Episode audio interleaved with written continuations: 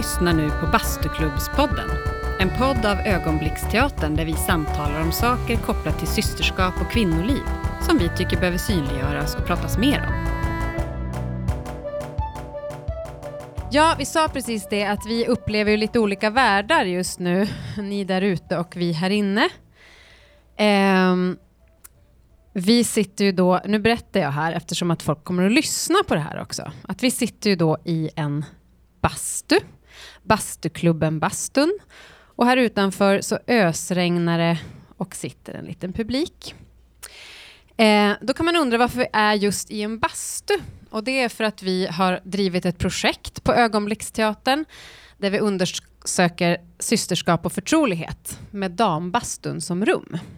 Och då har vi gjort en föreställning och vi har gjort en publikation och en utställning, ett ljudverk och en podd. Och idag så ska det här samtalet handla om delvis om en ny föreställning som vi har premiär på i början av oktober. Föreställningen heter Tusen år av oss och den handlar också om systerskap. Um, den handlar om det här området där vi befinner oss. För det är en uppväxtskildring från Karlshem. Och Karlshem är då ett område i Umeå där nu bastun står och här är det tegelhus, ganska långsmala i tre våningar. Och det är ett sånt miljonprogramsområde. Det är lekplatser, grönområden, men nästan inga bilar. Kan man väl sammanfatta det som. Och här växte då två av personerna som är här i bastun upp på det här området. Um, jag ska också säga att det här samtalet är en del av Umeå 400 år, firandet. Så att den här platsen har ju också med det att göra.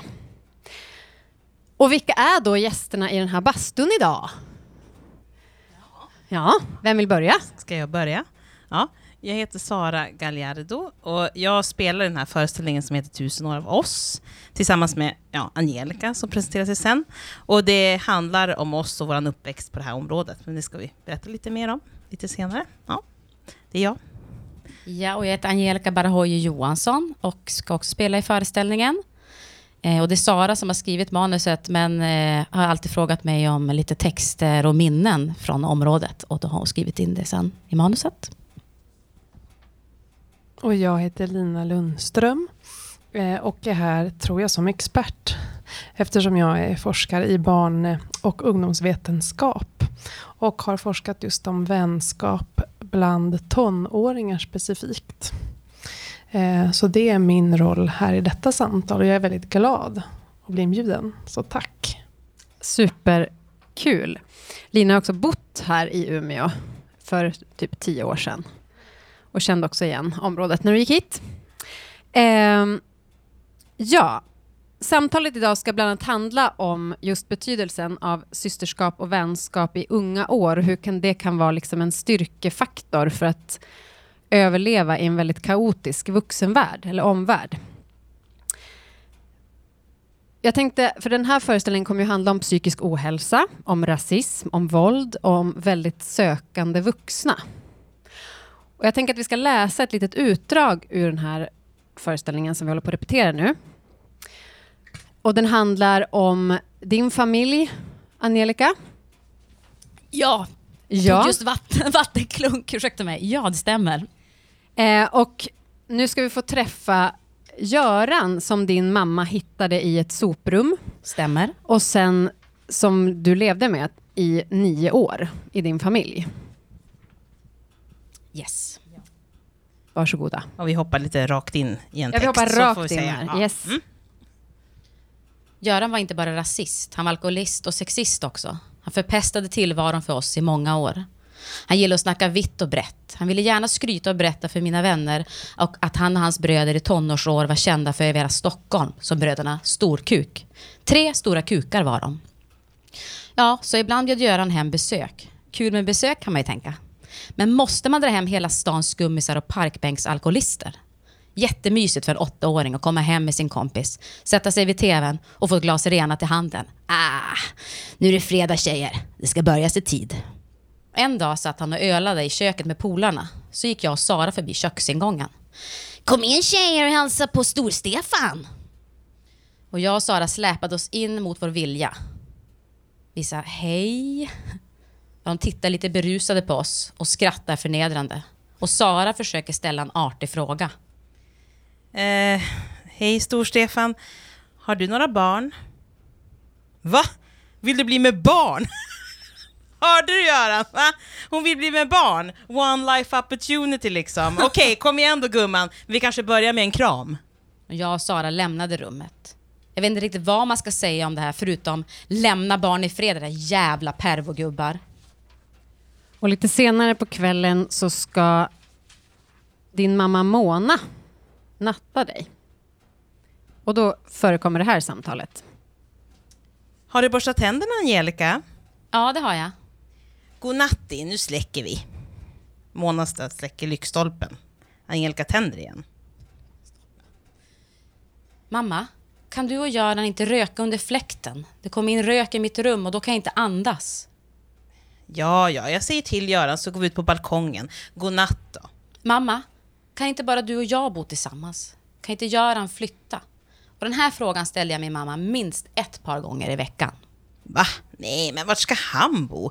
Han får ju ingen lägenhet. Du vet, han har ju skulder och jag... Men tror du han flyttar någon gång? Ja, ja, vi får se. Någon gång kanske han flyttar. Godnatt, Angelica. Mamma, visst vet du att du berättade för mig att du frågade din mamma samma sak jag frågade dig? Varje kväll tog hon dig på sitt kvällsjobb för det var inte säkert att lämna dig med din styvpappa. Då sa du, Ja, då sa jag. Mamma, kan inte vi bo tillsammans? Bara du och jag, utan honom? och då svarade din mamma, Nej, var ska han bo? Ja, ja, ja, vi får se om han flyttar någon gång. exakt så. Ser du mönstret mamma? Ja, jo, men vi får prata mer om det imorgon. Godnatt, Angelica. Tack. Det var en liten bit av eh, livet hemma hos dig. Ja. Som ju var eh, kaotiskt och eh, inte så, det var inte en sån kul vuxenvärld som var där hemma. Det var inte en vuxenvärld som tog sitt föräldraansvar på många sätt. Men då hade ni ju varann, för ni hittade ju också varann ute här på gårdarna. För det var ju det som var också bra med det här området vad jag förstår. Att det var så många barn som var ute och lekte. Och Mm. ni liksom. Kan inte ni berätta lite grann om vilken betydelse ni hade i varandras liv? Ja, ja men jag tänker att, att när jag träffade Angelica på, på fritids, då var vi ganska små, då tänker jag både att det handlar om att man känner igen sig i någons livssituation, och då kommer man lite närmare varandra, så att jag och Angelica Mm. ändå hade mycket gemensamt. Det också haft det lite liksom, ja man förstod att det kanske är lite rörigt i familjen och det är inte så perfekt och då känns det lite enklare att umgås med en person som också kan förstå en tror jag. Mm. Jag tror ändå att man kan förstå det fast man är ganska liten, fast man inte riktigt förstår det själv. Så Kan de- dras man till en person. Ja, och sen kom jag på, för jag läste några gamla såna dagböcker. Och då är det som att Sara, du, du var duktig på att skapa en annan, en annan miljö, ett, eh, alltså typ en fantasivärld. Och så bjöds jag in till den. Min, exakt på den här gården där Sara växte upp, hon växte upp här. Då har jag läst det att hon anordnade ett tivoli endast för mig. Så då gjorde hon egna gungor i rep och då sa jag att jag fick så ont i rumpan i Saras eh, repgunga. Och sen har hon ordnat sig, vi skulle kasta så här säckar, så här, eh, stensäckar i hinkar och så vann jag på tivoli och så hade hon köpt en godispåse som pris till mig. Alltså typ på någonting, skapa en annan fantasivärld och så bjöds jag in i den och så körde vi bara på. För ni har också berättat att när det när det vuxenvärlden svek, till exempel glömde att hämta er någonstans och eh, var någon helt annan, ni fick liksom inte kontakt, så var ni oftast tillsammans.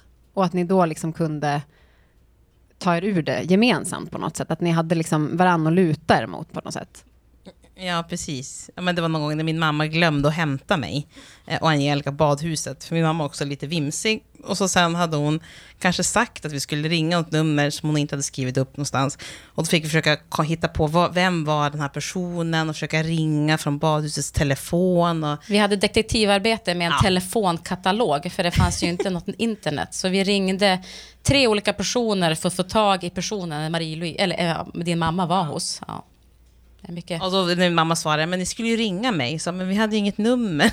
så, ja, men att vi ändå hjälptes åt. Vi var inte panikslagna, för vi Nej. hade ju som varann Mm. många gånger. Ja. Men tänk gärna mer på så här specifika situationer eller som ni, där ni känner att så här, men här hade vi ju verkligen stöd i varandra. Men jag tänker att Lina, kan inte du säga någonting om det du kan ju en massa saker om. Just det här med vänskapens betydelse i unga år. Ja, eh, och jag tänker på en massa saker när jag hör era berättelser. Eh, jag tänker framförallt på den forskning som jag har gjort när ungdomar på högstadiet har berättat för mig på olika sätt vilken vikt vänskap har i deras liv. Ehm, och apropå då vuxenvärlden, att vi kanske inte alltid är så bra på att se hur pass viktig vänskap är. Vi har fullt upp med annat, men även samhälleligt så är ofta det att man pratar ganska mycket om parrelationer, man pratar ganska mycket om tvåsamhet, man eh, har en juridisk liksom, ram kring vad som gäller för tvåsamhet. Eh, men när det gäller vänskap och, och mm, speciellt vänskap mellan tonåringar så är det inte så mycket prat om det och det lyfts inte upp som lika viktigt eh, som andra relationer som finns. Eh, så där tänker jag att vänskap är en otroligt viktig del av barns och ungas liv som kanske vuxenvärlden inte alltid förstår. Och där har man ju sett också med annan forskning att det är när barn kommer upp i mellanstadiet ungefär som vänskapsrelationen nästan har större tyngd i hur man formas som person än vad ens eh, familj har. Ehm, och det är kanske inte heller någonting man tänker på som vuxen, att det är så pass viktigt. Så där tänker jag att det är en, en, ett rop till vuxenvärlden att fråga mer, prata mer om vänskap mellan era unga som ni har hemma. Ehm, eftersom det är en så viktig del. Och sen tänker jag också att det är eh, en viktig del av vänskap som man kan se ehm, just att man tänker att vänskap ska vara på ett visst sätt. Det kanske finns väldigt många bilder av hur en vänskap ska vara. Det finns de här plakaten man kanske sätter upp på jobben eller på skola. Att vi ska alltid, eh, man ska kunna lita på en vän och man ska, den ska alltid finnas där. och eh, Man ska tänka lika. och Det finns väldigt många bilder av också hur en så kallad sann vänskap ser ut. Och det ni tycker, det ni berättar är ju också att där kanske ni hade sagt någonting annat om en vänskap. Att en vänskap ska vara någon som får en att kunna vila från sitt vanliga liv som man har med sin familj. Så det finns andra definitioner av vänskap, kanske framförallt i unga år, eh, som vi i den vuxna världen, inte för att det är olika världar, men vi vuxna kanske har svårt att förstå vissa gånger och då behöver vi ju fråga. Mm. Hur mycket visste liksom eran, hur skulle ni, mycket skulle ni säga att era föräldrar hade koll på eran vänskap? Hur, hur mycket involverade var de? Men jag, jo, men jag tror ändå att ja, men kanske min mamma pratade mycket om att ja, men Angelica var ju mycket hos oss och jag var mycket hos Angelica, så det var ju som en naturlig del att Angelica bara var där, eller kanske också att jag var hos, hos dig, din mamma eller pappa. Liksom. Men jo. sen tänker jag också att det blir som något lite familjärt. Alltså, du följer med. Vi hade ju inga liksom, syskon hemma. Så att då var det lite som... Tänk att det var standard att när Sara kom och hälsade på, då, vid senare år när videokameran kom, då visste, de, de visste att nu ska det filmas och det ska, eh, vi ska göra videos. Vi gjorde ju radioprogram. Alltså ja, det, vi lekte ju mycket. Vi lekte ju extremt mycket. Och det tror att de, det var mer typ kanske ibland, oh, det blir så stökigt hemma. Ja. Ja, men, eh, och så följde jag ju med jättemycket till Ja, min mormor och morfar. Ja, i Vitvattnet. Mm. Och har ju firat jul med Sara. Så först firade jag jul med, med mamma. Och så gick man en sväng till, för min mamma och pappa är skilda, och så gick man över, och de bodde gårdarna, de bodde, hade balkongerna mitt emot varandra också. Eh, så jag gick över till pappa och körde typ någon slags god jul, fast vi såg typ på TV. Och sen hämtade Saras pappa mig och körde då till, mot Bjurholm. Ja. Så att, till min mormor och morfar så var de oss på kvällen. Så det var... Så jag tror nog det var ganska, det var, det vi, jag tror att de förstod vår vänskap ganska... Ja, att det var viktigt att vi fick vara med varandra. Att vi fick vara med varandra, ja. Så det fanns inga... Men sen tror jag de inte riktigt förstod kanske alla lekar och sånt. Men, men eh, det är väl, ja. ja. men jag tror ändå, och min mamma var mycket så här, gud vad ni frågade mycket, ni ville ha hjälp med grejer. Hur gör man, ja, men typ startar man en förening? Alltså, hon tyckte att vi höll på med massa saker som hon inte kanske inte vad vi höll på med, men hon bara, det var massa frågor. Jag tror inte hon var så engagerad kanske i vad vi gjorde, bara att vi höll på massa och liksom grejsade på. Hon visste kanske inte vad riktigt exakt. Men. Jag tror vi tvingade min mamma faktiskt att filma oss några gånger vi gjorde musikvideos. Ja, lite så. Då fick du, fick, eh, jag ser min mamma där borta i hörnet. Så fick hon eh, ibland filma oss. Ja. Ja, men när man pratar om vänskap som liksom så här styrkefaktor, kan man säga att det kan vara det? Liksom. Ja, nu, jag tänker att vänskap, det kan ju vara en styrkefaktor. Det kan ju vara jobbigt också när man inte har vänner. Att det kan, att det kan bli att man inte känner sig så stark då. Um, men jag tänker mig att vänskap framförallt kanske är en hjälp med identiteten, vem man är och vem man inte vill vara och att man kan vara olika eh, i olika situationer. Där tänker jag den historia som ni har, att ni kanske var olika beroende på vilket hem ni var i. Ni visste, ni kodat av vad, vad ni kunde göra och inte kunde göra eh, och vem man fick vara. Och där är ju ganska mycket lek med identiteter eh, som man då om man har en vänskap som man trivs med, att man kan leka ganska mycket och att det blir en styrka. Leka i vem man vill vara och vem man, man kanske kan testa saker som man inte vill vara. Om man har en nära vän då, så kan det vara liksom en, ett bra stöd för att testa det. Eh, så att det kan vara en styrka. Och sen tänker jag också med att, att eh, inte ha vänner, det blir, kan ju också bli eh, det, det, finns ju någon slags norm att man ska ha vänner och att det är ganska mycket stigma kring att inte ha vänner. Så det där kan också vara någonting, om man tänker på vad vi vuxna kan tänka, med, tänka på mer, är att det är många också av mina vänner som har berättat att de har varit, gått ensamma på skolgården, suttit ensamma i maten för att de vill ta en paus från allt socialt. Men då när en lärare eller någon annan skolpersonal kommer till dem och frågar Hur är det? Sitter du där ensam, åh vad jobbigt. Så tänker de, aha, jag får inte sitta här själv. Det är något fel på mig som vill vara själv. Jag måste vara omringad av vänner eller andra människor. För annars så anses jag som konstig.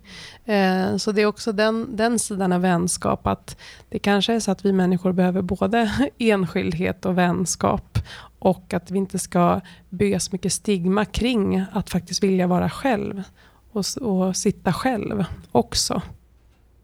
Men för jag tänker också att ni säger att ni, liksom, ja, men att ni, ni såg likheter. Att så här, man kanske känner att så här, men den här personen, vi har något gemensamt. Och ni hade ju ganska mycket saker gemensamt, tänker jag, i liksom hur, vad som omgav er. Precis. Ja, men nu ska vi inte gå på hur man ser ut, men jag tror också det kan... Men jag tänker typ att, eh, vi har pratat lite grann nu gick jag in på det här med mellanförskap bara för att börja tänka på det. Jag menar att eh, eftersom jag har en mamma då som är svensk och så en pappa som är från Iran, men har vuxit upp liksom i Sverige, och jag, jag anser ju mig själv såklart som svensk och jag kan egentligen bara den svenska kulturen. Men att jag på något sätt bär med mig en iransk kultur, jag borde veta mer. Eh, men jag kunde inte så mycket. Jag kan inte, nästan inte behärska persiskan. Jag typ förstår väldigt mycket men kan inte prata så bra. Och när jag fick då träffade Sara så säger hon att ja, men hennes pappa är från Bolivia men hon kan inte prata spanska. Det var som att jag slappnade av bara okej, okay. ja, för nu, nu, ska vi, nu ska hon säga att hon kan spanska och så går hon hemspråk. Och jag, jag hoppade ju av hemspråk för jag var ju sämst. Och jag kan inte skriva eller stava på persiska. Och jag vet inte, eh, nu vet jag inte om det låter konstigt, men på något sätt kunde jag också slappna av i det att vi ser typ med, typ, får man säga typ likadana, får man inte säga, men alltså att jag kunde känna igen mig i både utseendet men också typ att det finns någon, eh, någon liknelse med föräldraskapets eh, båda delar och att vi inte... Jag kommer inte avsluta min mening, Sara. nu, nu ser man att jag svamlar på. Men, men eh, tillhörigheten på något sätt. Ja. Och identifikation, för jag tänker att jag vuxit upp med min mamma som var väldigt blond, liten, ljus, väldigt tystlåten person som jag inte var så lik.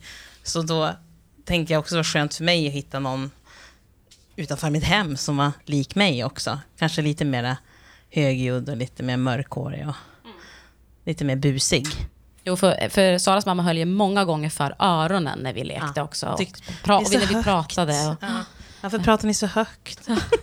Min mamma är väldigt känslig. Hon, kanske, hon är väldigt känslig för ljud. Ja. Ljudkänslig? Ja. Men kan ni liksom komma ihåg något sånt där, för det, det, har ju hänt ganska stora saker i ert liv får man säga, eh, som har varit mer eller mindre traumatiska. Och har ni liksom, kommer ni ihåg någon gång när ni har typ sökt tröst eller så stöd hos varandra väldigt tydligt. Jo, men, jag tänker, men då tänker jag också på att min pappa satt i fängelse. Jag tror att jag berättade för Angelica kanske. Bland de första jag berättade för. Ja, och då satt vi faktiskt i, inte den här lekparken, men lekparken nästgårds eh, på ett eh, hustak Mm. där borta. Precis. Och då berättade jag för Angelica, vi berättade hemlisar för varandra, och då berättade jag för Angelica att min pappa satt i fängelse och ja, vad han hade gjort lite grann, fast jag inte visste. Och då, jaha, men Angelica lyssnade ju mest och inte var liksom, inte rädd. Och då tänker jag att en person som också har upplevt saker kan också förstå en bättre. Jag tänker att kanske en annan kompis skulle kunna bli rädd också. Ja, jo, precis. Nej, men jag tror att jag... Ja, vad nu när jag, Kanske inte värdera så mycket. Nej, jag värderar nog inte, för nu när jag tänker på det, just det, nej men det var aldrig rädd, för jag, det var ju inget knasigt att sätta mig i din pappas bil, fast jag visste om varför han hamnade i fängelse. Nej, vad konstigt, gud, det, det tänkte inte ens jag på. Man var så avtrubbad. Ja, Ja, men kanske ja, lite... ja. Ja. Ja, men eller vadå, det kanske är positivt också. Men ja, nej, det var inget fördömande när, när du berättade och Nej. inte... Eh, det hände ingenting he- efter heller med vår vänskap efter att du berättat den grejen. Och jag tror att det är väl det som gör att... Vi som, man blir som lugn i kroppen som jag pratar om. Man blir som ett, känner som ett lugn. Bara, ah, ja. Eh, ja, och sen... Ja.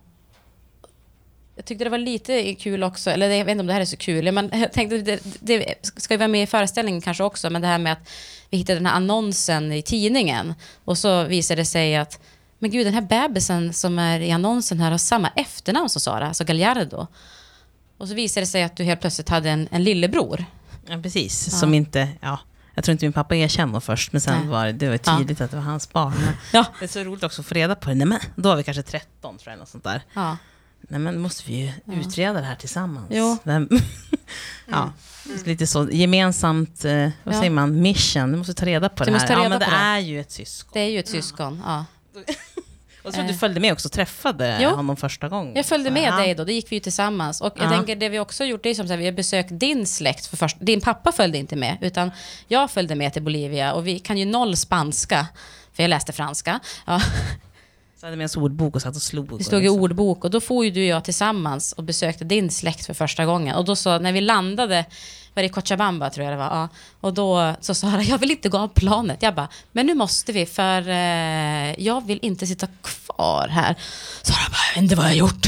Vad har jag gjort? Varför gjorde jag det här? Jag bara, men nu går vi ut Sara och jag är hungrig. Jag vill typ, de kommer ge oss mat. De kommer ge oss mat Sara, nu, nu går vi ut. De var jättesnälla. Men, mm, Supersnälla. Då var vi kanske 19 eller Ja, sånt där, för 18, din, 19. ja, Mm. och din pappa sa att var, han skulle inte följa med utan det, nej. Och då åkte du och jag. Kanske off topic, men där kom den. Nej, men super, superfint att höra. Men Lina, du pratade ju också lite grann om det här med leken och lekens betydelse. Vill du säga något mer om det? För jag tänker att vi ska komma in lite grann på er lek. Mm. Ja, först tänker jag att, att lek är ju det är ett liksom omtvistat begrepp i barn och ungdomsforskning. För vem, vem, säger, vem bestämmer vad som är lek och vad som inte är lek? Ibland kan ju lek vara nedsättande när man tänker på barn. Att det är, liksom, eh, det är någonting som är bara lek. Eh, eller någonting som är liksom, om det är samma, liksom samma som man använder ordet barnsligt. Att det är någonting som är sämre och så. Så att det finns ganska många ord som har med barn och unga att göra det som man använder nedsättande på olika sätt för att det ska vara enklare eller mindre viktigt. eh, Och där passar ju leken ganska bra i det också. Att eh, nu får ni sluta leka, eh, fast det man egentligen kanske gör är att man eh, testar sina gränser. Eh, att, då skulle man ju kunna säga att vi vuxna leker på jobbet också. I och med att det är liksom lek är någonting som vi inte har definierat. Den enda definition som finns är ju egentligen att, man, att det är mycket barn som man tänker leker. Men att vi vuxna kanske inte riktigt vet vad som händer i leken utan vi kallar allt för lek. Eh, och där kan det ha- handla om att ni har ett tivoli. Det är en typ av som vuxna kallar för lek. Och en annan kanske är att ni sitter på ett tak och berättar om saker som känns väldigt eh, svåra. Och det kanske vuxna också kallar lek. De är ute och leker. Ehm, så det där med lek kan vara lite svårt också, eh, tänker jag från ett vuxenperspektiv, att prata om vad som är lek. Och sen kan ju liksom att, att vara lekfull kan ju vara någonting positivt också. Men det, men det har liksom vissa... Ja, eh, man tänker på ett visst sätt när man pratar om lek. Eh, tänker jag. Och, att det, men, och, och med det sagt så tänker jag att lek ofta också räddar en väldigt mycket, både som barn och som vuxen. Att man får leka i den bemärkelse att man får använda sin fantasi, eh, man får gå in i andra världar. Eh, och det är kanske det som när vi vuxna ska vara leksamma eller leka, då kör vi improvisationsteater för att liksom släppa loss och släppa lös. Och Och det har vi också inte- gjort. Check. Check på den. Så där är det liksom, ja, så att det finns ingen definition på lek, utan det är mer liksom en, en ifrågasättande kanske av vad, vad menar vi egentligen när vi säger lek? Eh, för att inte då förminska det barn och unga gör. Eh, så vi kan börja kalla vårt arbete för lek istället. Och det barn gör kanske vi ska kalla för vad det egentligen är. Om det handlar om tivoliproduktion eller svåra samtal. Ja, men för ni, ni gjorde ju det som vi skulle kalla så traditionell lek ganska länge. Alltså eh, rävar i skogen, eh, Barbie. Alltså, jag har aldrig varit med om några som har så mycket Barbie-grejer. Jag sa det när vi började repetera och den här arsenalen av prylar kom fram. Att jag bara, men alltså hade jag vetat att det fanns människor som hade så här mycket Barbie-saker. Jag, hade, jag vet inte vad jag hade gjort. Eh, Vi det hade var ju blivit liksom poppis, verkligen... Sara, hör jag. Vi hade blivit poppis. men vi visst. gömde ju Barbie-leksakerna när vi kom till... Vilken ålder? Kanske när vi var f- 13-14. Vet, man började ha ett Barbiehus och då forslade vi ju Barbiehuset, alla leksaker, till Vitvattnet. Så ingen skulle se att det var ett Barbiehus i, le- alltså i vårt rum, för it's uncool. Och sen åkte vi varje helg och lekte Barbie i Vitvattnet istället. ja, men det var ju väldigt roligt att, att leka, men jag tror att också kanske man skämdes lite. Men samtidigt så tänkte vi, ah, det, men det... Men någon gång försökte vi, tror jag vi säger till varandra, men det är ganska coolt, liksom, andra tappar sin fantasi och vi fortsätter ju ändå. Och liksom, försökte liksom stärka varandra i att... Men sen kanske det var 14-15, då var det som att det började bli liksom... Att vi började leka och så började man, så man gör en paus. Och bara, men är det fort, Sara leker nu? Ja, ah, hej. Alltså börjar Ja, man det, blev lite, det blev lite slappare, får man säga det. Men då började vi göra videos med Barbie och filmade. Då gick vi över till det lite Ja, då, börjar också. lite, då blir det mera produktion. Produktion, det blev produktion och, och leken kanske ja, min, mindre och mindre. Men, ja, men alltså, jag tror vi lekte, vi var ute i skogen och lekte rävar. Det var Eh, kanske också 13. Ja, jag var ju eller sådär. 13 år. Och så eh, helt plötsligt så...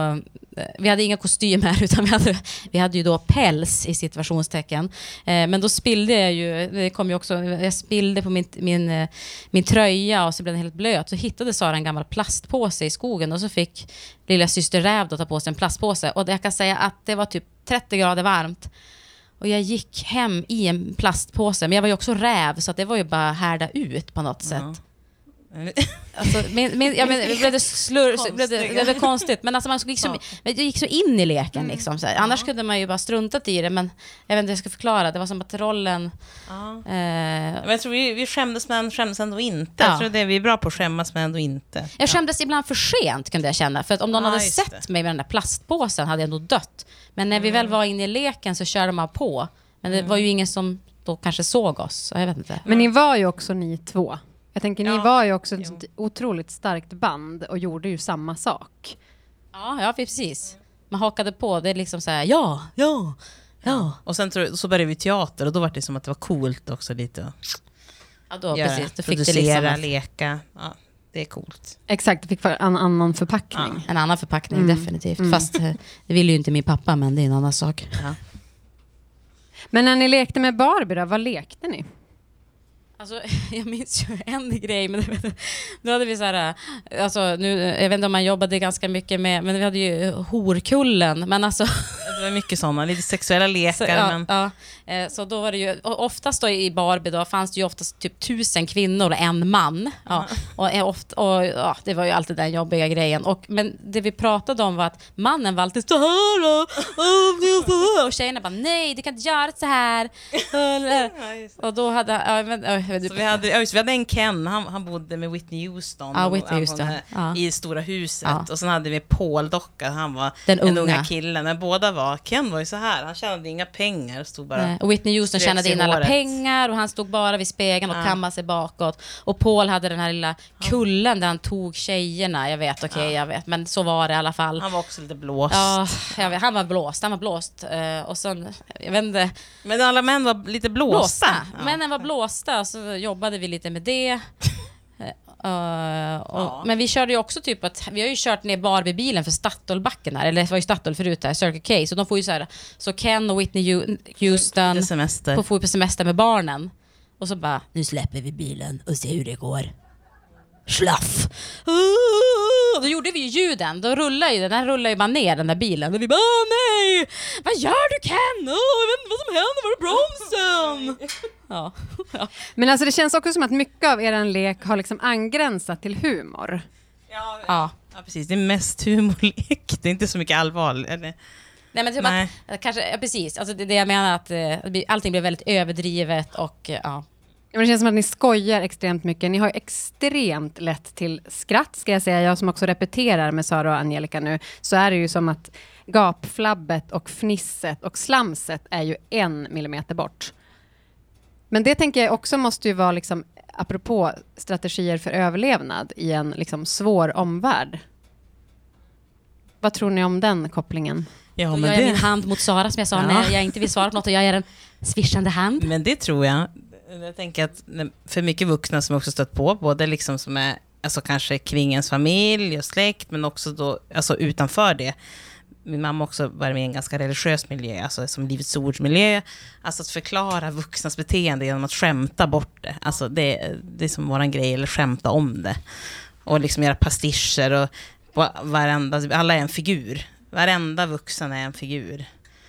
Ja. Eh, Så ja, typ så. Jag Men håller Jag med. tänker också att det är väldigt mycket liksom, äh, strategier. Det finns ju också en del, när vi pr- pratar lite om nätet och vänskap på nätet. Så där, där, där, där finns det andra forskare som jo- jobbar med liksom, vänskap på nätet. Där ser man ju väldigt tydligt att, att unga människor skapar sig strategier på nätet för att hantera vissa problem som är liksom stora, som är grooming eller sexuella övergrepp. Och så där. Att man, man ska, I och med att man är ganska ensam, lämnad där. Ofta är ju barn på nätet ganska ensam, ensamma där. Precis som ni upplever liksom i er barndom, att man blir mycket ensam. Och där skapar man strategier som, som funkar väldigt, väldigt bra. Eh, och att vi vuxna ofta försöker komma på strategier för att barn ska hantera olika saker. Och vi tänker att vi liksom kan klura ut det och frågar sällan barnen, hur gör ni för att hantera det här? Liksom, nu har det här hänt, vad har ni gjort? Så att vi vuxna kan lära oss av barnen hur man kan hantera trauman eller bara svåra situationer i, en, i skolan eller vad det nu handlar om, eller på nätet. Så där finns det, ju- det jag tycker ni berättar också är det här liksom, så här hanterade vi saker som var ganska svårhanterliga, som väldigt många vuxna inte kan hantera. Men ni hade varandra och ni hade liksom era, eh, er föreställningsvärld. Och det, det jag tänker på också när ni berättar om, om Barbie-lekarna, och jag är också väldigt avundsjuk, jag hade också gärna velat vara med där i förstår, jag förstår. Barbie-världen. Det är nog många som känner så. Men där tänker jag också att det är ganska mycket, om man tittar på liksom Paradise Hotel, man tänker på, alltså ganska likt. Du Eh, menar att vi ska ta, vi borde ha tagit patent? Ja, exakt in så. ko- stålarna nu. Ja, att, att de vuxna tänker att de har kommit på det konceptet och gjort liksom tv-produktioner av det som ni redan hade eh, 20 år innan det lanserades. Och folk börjar tjäna pengar på det. Ja, ska vi gå över på det här lite eh, jobbigare området då? För att vi pratade också om, i den här scenen som vi läste upp, så är det ju en sak som upprepar sig mellan mor och dotter. Och ni berättar ju i den här föreställningen också mycket om era rädslor, varav en stor rädsla är att ni ska liksom föra över sorg och trauma på era barn. Mm. Ehm, Lina, kan du säga något kanske först om vad säger forskningen om, om det här? Liksom? Hur vanligt är det? Ja, det är ingenting jag har forskat om, men det, det jag har läst om, jag tänker både att det finns, man pratar ju alltid om det här om det är, liksom, om det är nature eller nurture, det är kultur eller biologi och sådär. Och, och, och, nu är man någonstans mitt emellan, att man tänker att all, allting, allting beblandar sig för att det, det, det, ja, det följer med en. Och jag som också nu har börjat jobba ganska mycket med övergripande, liksom statsövergripande frågor där det handlar om att det finns finns väldigt många ojämlikheter i ett samhälle. Eh, där, det liksom, eh, där det finns inlåsningseffekter som gör liksom att vissa saker återupprepas just också för, för att det finns en väldigt tydlig struktur kring vem som har möjlighet till vad och vem som vem som kan liksom leva sina rättigheter och vem som inte kan det. Så det är på flera olika nivåer, tänker jag. Men man ser ju det att liksom inlåsningseffekter är ganska starka. Och sen om det handlar om att det, att det finns i gener eller att det, finns, att det blir socialt eller att det finns i strukturer. Det kan, det kan nog andra svara bättre på, tänker jag. Men vad är det liksom för, för ni, kan inte ni berätta om de rädslorna lite? Ja, ja men jag, jag vet inte, men jag tänker att, som, har mina egna trauman, men mycket är ju alltså, kopplat till ja, men både hur, att min mamma var väldigt ung när hon fick mig exempelvis. Och väldigt tidigt så hände det massa saker i min uppväxt, typ att min pappa hamnade i fängelse och sådana saker. Och ingen riktigt berättade kring vad som hade hänt och sådär. Så jag kände mig väldigt lurad och då har det liksom, märker jag, skapat nu som vuxen att jag inte litar på vuxna eller då inte på folk runt omkring mig.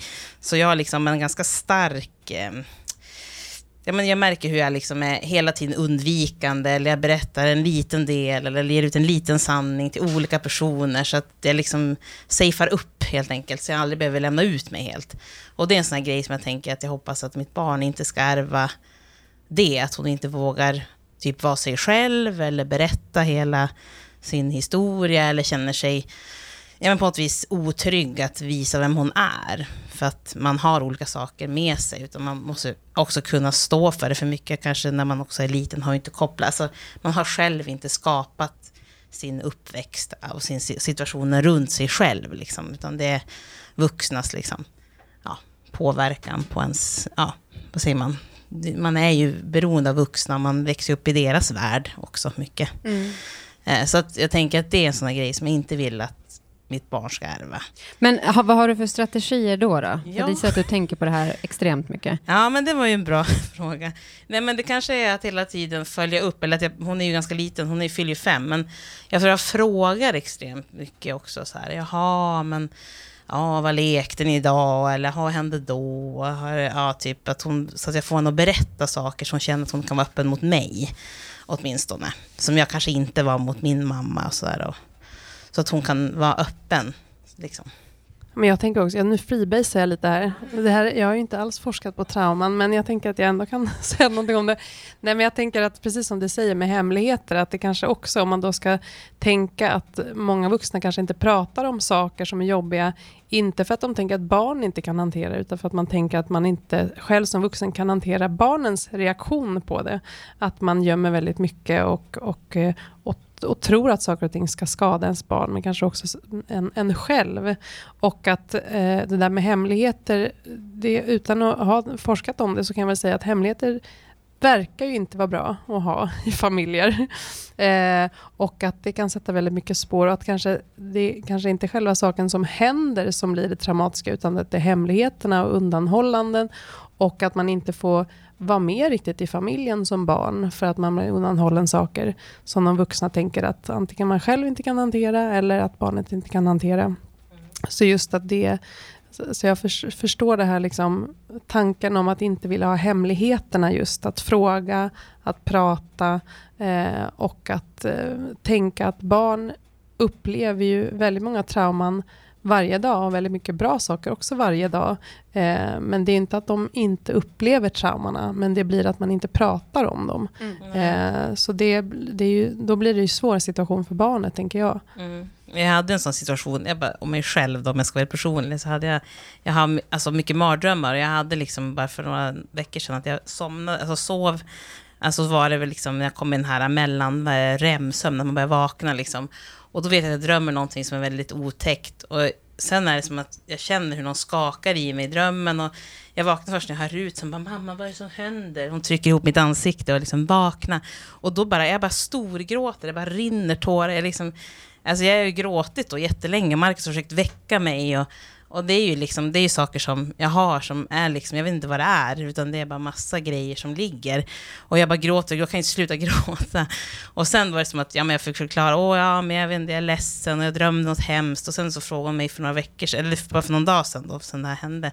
Alltså hon bara, ja men mamma jag varit väldigt rädd när du grät och, och varför gjorde du det? Och du vaknade så ja det kan vara saker som jag inte vet inte varför jag är ledsen men jag bara grinade och då, då drömde jag mardrömmar och så kanske något som jag inte förstod och då bara gråter jag och så vaknade jag sådär. Hon bara, ja jag blev, blev du rädd? Jo jag blev rädd, sa hon. Mm. Ja. Så hon har gått Men och då sa det. du egentligen som det var, för du Ja. visste inte riktigt Nej, jag heller. visste jag inte tänker, det var exakt inte det någonting som var. du Nej. undanhöll. Utan Ja, det men med- utan det är väl massa grejer, jag vet inte om jag ska förklara för ett barn, men det är massa saker man kan vara ledsen för, men man kan inte veta exakt. Typ så. Men där gav ju, eh, nu vet inte jag, men alltså typ att man ger utrymme till barn att svara också på den där händelsen som hände, som kanske många vuxna inte gör. Alltså du tog ju upp, alltså hon, alltså hon tog, du tog ju som upp, händelsen togs upp. Ja, hon tog som upp den själv, Hon eller då svarade jag jo, bara. svar, Du jag svarar ju, det men du döljer. Ja, men och att hon fick svara att hon blev rädd. Det tänker jag kan vara... Ja, att man frågar också, sa du, blev du rädd? Jo, jag blev det. Alltså liksom säga det. Kanske också att man tolkar vad barnen tänker är traumatiskt eller upplever som traumatiskt. Det kan ju vara liksom att man kan vara med om något traumatiskt men så är det liksom en liten bisak i hela den här situationen som känns traumatiskt. Det vet jag bara med min egen son som kom hem som hade liksom blivit ifrågasatt för att han bara hade en mamma och ingen mer förälder. Och så, och så tänkte jag, då liksom målade jag direkt upp tankar, nu blir han mobbad, det här blir jobbigt, jag måste prata med lärarna. Och, och, men till slut liksom, när vi hade pratat om det, då, då fick jag liksom hålla i mig för att inte överföra min oro på honom. Och så till slut kom det fram till att han hade förstått att det var många pappor som hade bil och han ville köra bil. Så att jag var ensam, för hon, det problemet med att jag var själv var att han inte fick ha en bil. Och det var ju liksom, då, då fattade jag, okej, ja, men det var, det var det som var det här, det var inte det trauma, men det var det som var, så problemformuleringen är vä- vi väldigt Liksom, det är väldigt lätt för oss att skapa, så här, det här tycker mitt barn är ett problem. Men om man väl ah, hinner och orkar stanna upp och fråga, okej hur tänkte du då? Vad gjorde du då? Vad kände du då? Precis Jag som bara, okej, du gör med ditt här, jag tar ben. in det här, ja. Vänta in, ja, mer, ja, okej. Ha tid, var lugn. Ja, okej, lite svårt för det, men okej, jättebra. Nej, men där att vi tolkar ofta vad som är problematiskt eller traumatiskt. Att, det, att där kanske man också kan... Ja, Ta det lite lugnt och som du säger, fråga kanske är det viktiga. Ja, så man tänker. inte själv hispar upp sig. För det är ganska lätt att göra det som barn, småbarnsförälder, tänker jag.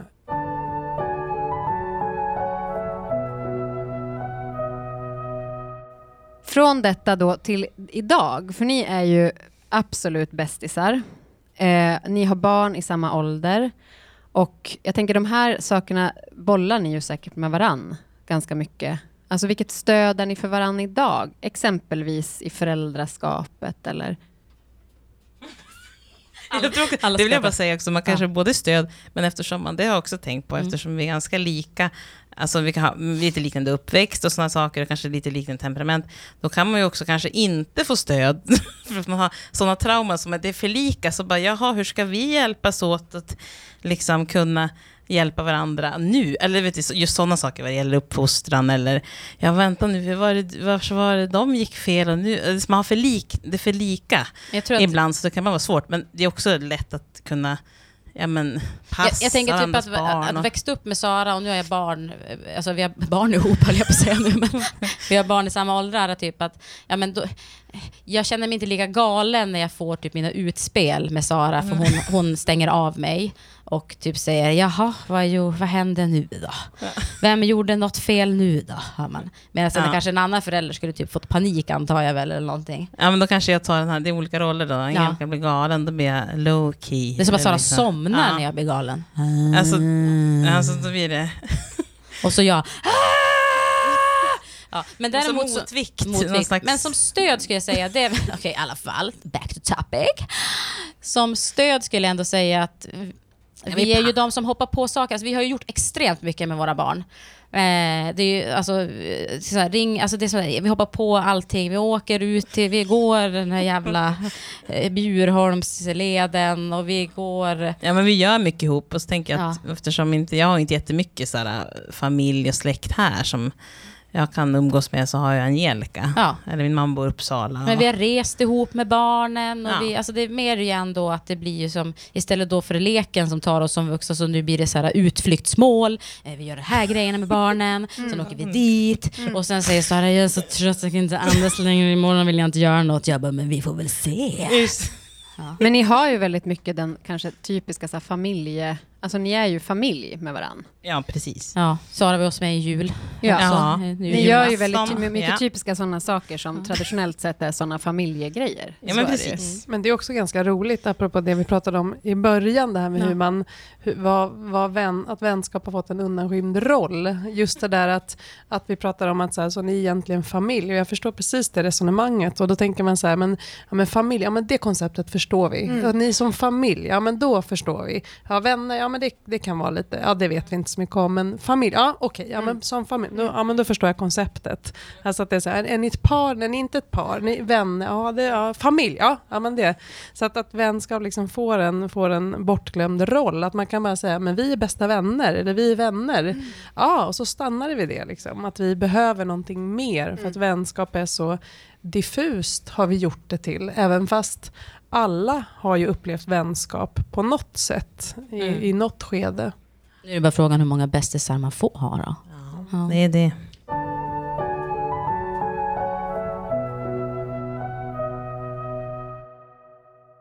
Och så vill jag tacka er så jättemycket, Lina och Sara och Angelica, för det här samtalet. Tack själv. Och tack, tack. för att ni kom. Tack Johanna. Tack publiken.